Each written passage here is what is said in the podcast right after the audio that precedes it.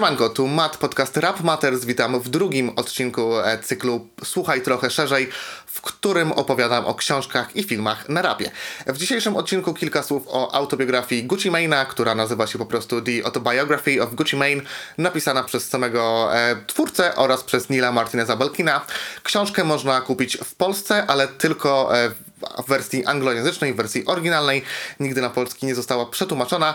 Niemniej myślę, że osoby, które są na poziomie powiedzmy B2 spokojnie sobie z nią poradzą, bo język jest dość prosty, gramatyka również nie jest jakoś bardzo zaawansowana, więc wszystko powinno być ok. E, dzięki temu też książkę czyta się niemal jak każdą autobiografię, czyli lekko, przyjemnie. E, nie jest to jakaś wielka literatura, tak jak zwykle jej powodem, powodem do jej napisania. E, no jest to, że autor chce po prostu zarobić, a nie to, że chce opowiedzieć swoją historię, bo, bo chce nieść nią jakiś tam przekaz. E, no dla hajsu i tyle. E, zawsze z rezerwą podchodzę do, do autobiografii, ale i tak co roku kilka z nich trafia na moje czytelnicze listy, bo one wiecie, lecą od tak. Czegoś ciekawego się można dowiedzieć o twórcach, więc czemu by tego, nie robić.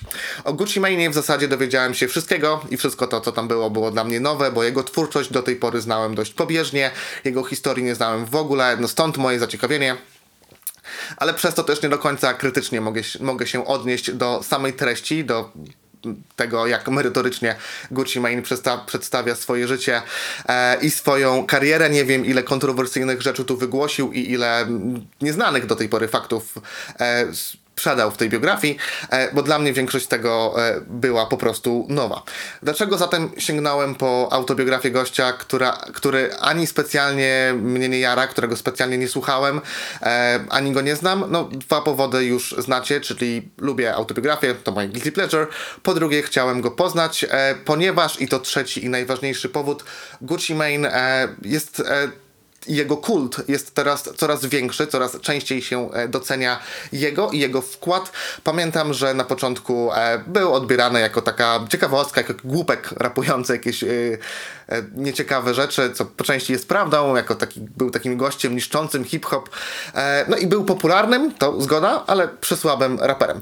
W ostatnim czasie coraz więcej mówi się o jego wpływie na rap, o tym, że jest ojcem trapu, to właśnie on, a nie Białas, to może zaskoczenie dla niektórych i o tym, że zmienił scenę swoją obecnością i to też wydaje mi się, że jest prawdą na pewno w sporym stopniu. E, razem e, z rozpoczęciem czytania tej książki zacząłem także sprawdzanie jego dyskografii, która ma imponujące rozmiary, jest tam grubo ponad 100 pozycji.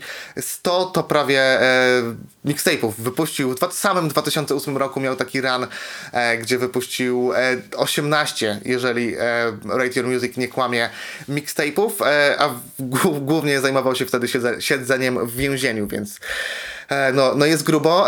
Co prawda tam często powtarzają się kawałki, są jakieś remiksy, freestyle, często to są kompilacje kawałków, które były na dotychczasowych kilku mixtape'ach, także nie są to same nowości, ale i tak każdy z nich trwa około godzinę e, jest tego mnóstwo, ale generalnie nie polecam. Naprawdę niektóre rzeczy są, są dramatycznie słabe.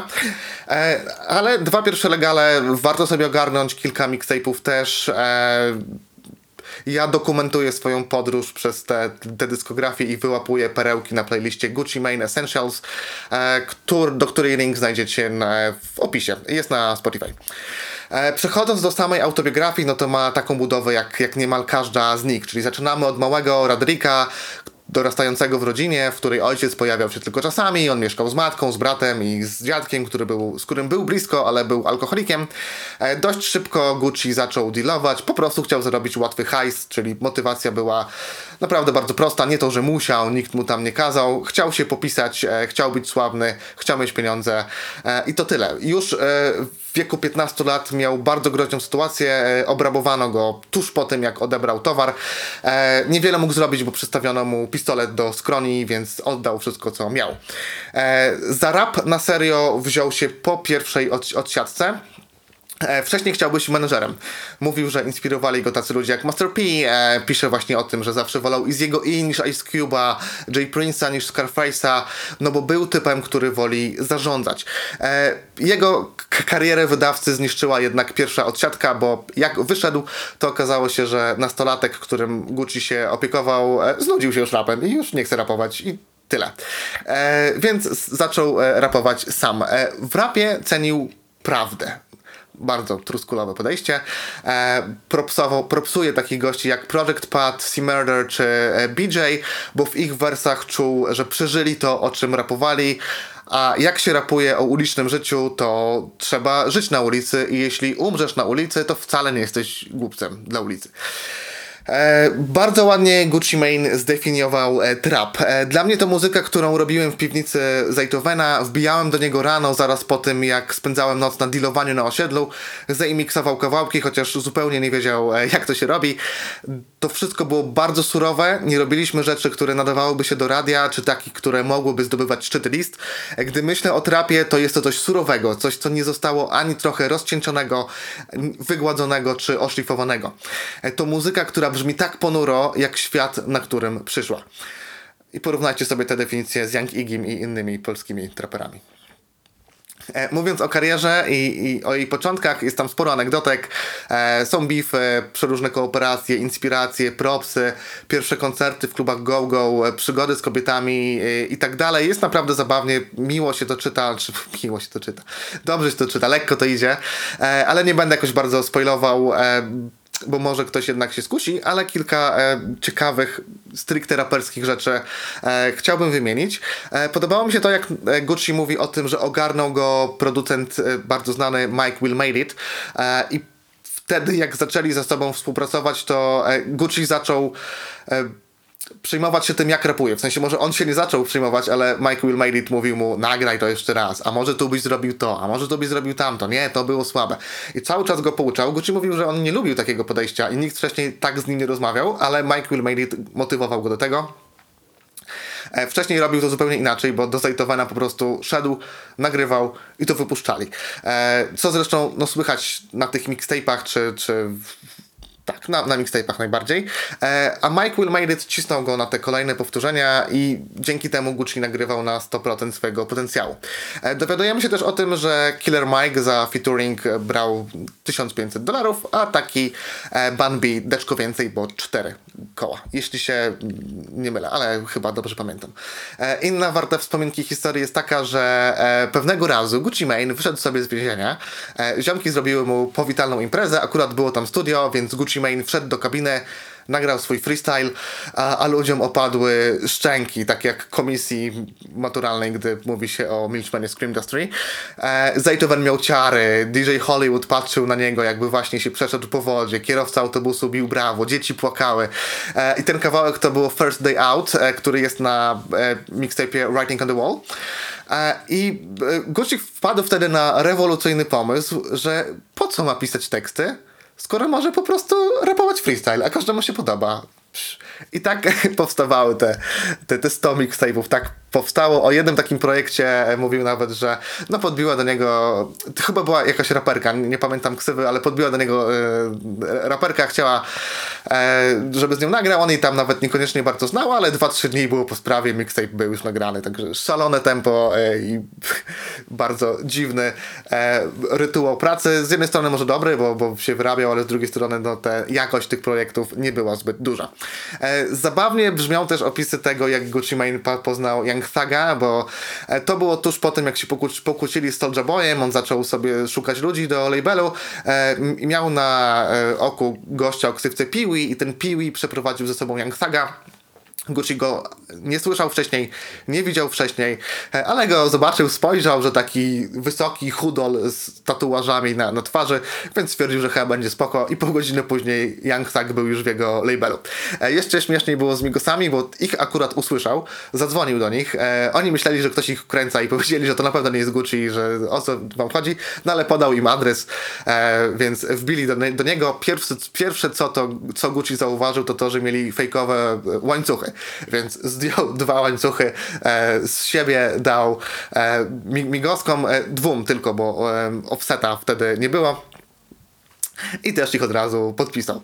E, no decyzji nie żałował, bo Young Thug okazał się tytanem pracy i od początku podobno było widać w nim potencjał, e, ale jak zaczęło się to kręcić, to nasz bohater znowu wylądował w więzieniu e, i Thugera i Migosków wyciągnęli inni. E, Gucci twierdził, że, twierdził, że choć mógł, no to nie chciał ich jakoś wstrzymywać, e, bo lubił patrzeć na to, jak ludzie poniekąd dzięki niemu się rozwijają.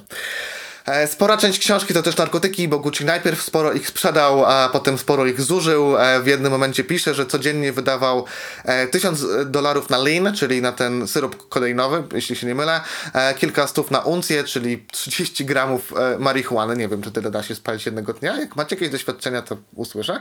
E, A do tego wpadały mu jakieś moli i Xanaxy, także ta suma codzienna, codzienna e, robiła się bardzo duża. E, I taka to jest e, książka. Wydaje się szczera, dość kompleksowa. E, Gucci przyznaje się do wielu błędów, mówi o tym, że sporo e, shitów w życiu zrobił i to jest jego wina. Nie mówi, że to ziomki polewały mu Muntenlin i on biedny pił, tylko że sam się w to wciągnął. E, przez stres, a potem już te spirale się na, nakręcały. No i zawsze na tę złą ścieżkę schodził. Może Gucci za bardzo flexuje się tym, że był raperem numer jeden w pewnym momencie. E, No nie przypominam sobie, e, by coś takiego było, nawet pod względem fejmu, bo pod względem skilli e, na pewno nie. Nie wiem, może z perspektywy Polski to po prostu tak wygląda, bo u nas słuchało się, się czego innego, ale Gucci numerem jeden? I don't think so. Może z perspektywy Atlanty i jego banieczki to tak wyglądało, ale, ale chyba, chyba kurczę, nie top jeden. E, tak, także nie, nie żałuję czasu spędzonego z tą książką. Trochę żałuję czasu spędzonego na te mixtape'y, ale się zawziąłem i wszystko, co jest na Spotify, przesłucham z pewnością. E, no w każdym razie wiem już o co chodzi z tym Gucci Mane'em, znam jego prawdę trapu. E, myślę, że pozycji czy statusu legendy nie można mu zabierać, nawet jeżeli uważamy, że raperem jest słabym bo umówmy się, legendą mikrofonu nie jest, ale swój wkład w rap ma. E, z tej jego olbrzymiej dyskografii myślę, że maksymalnie dwupłytową kompilację bangerów można by zrobić i, i tyle.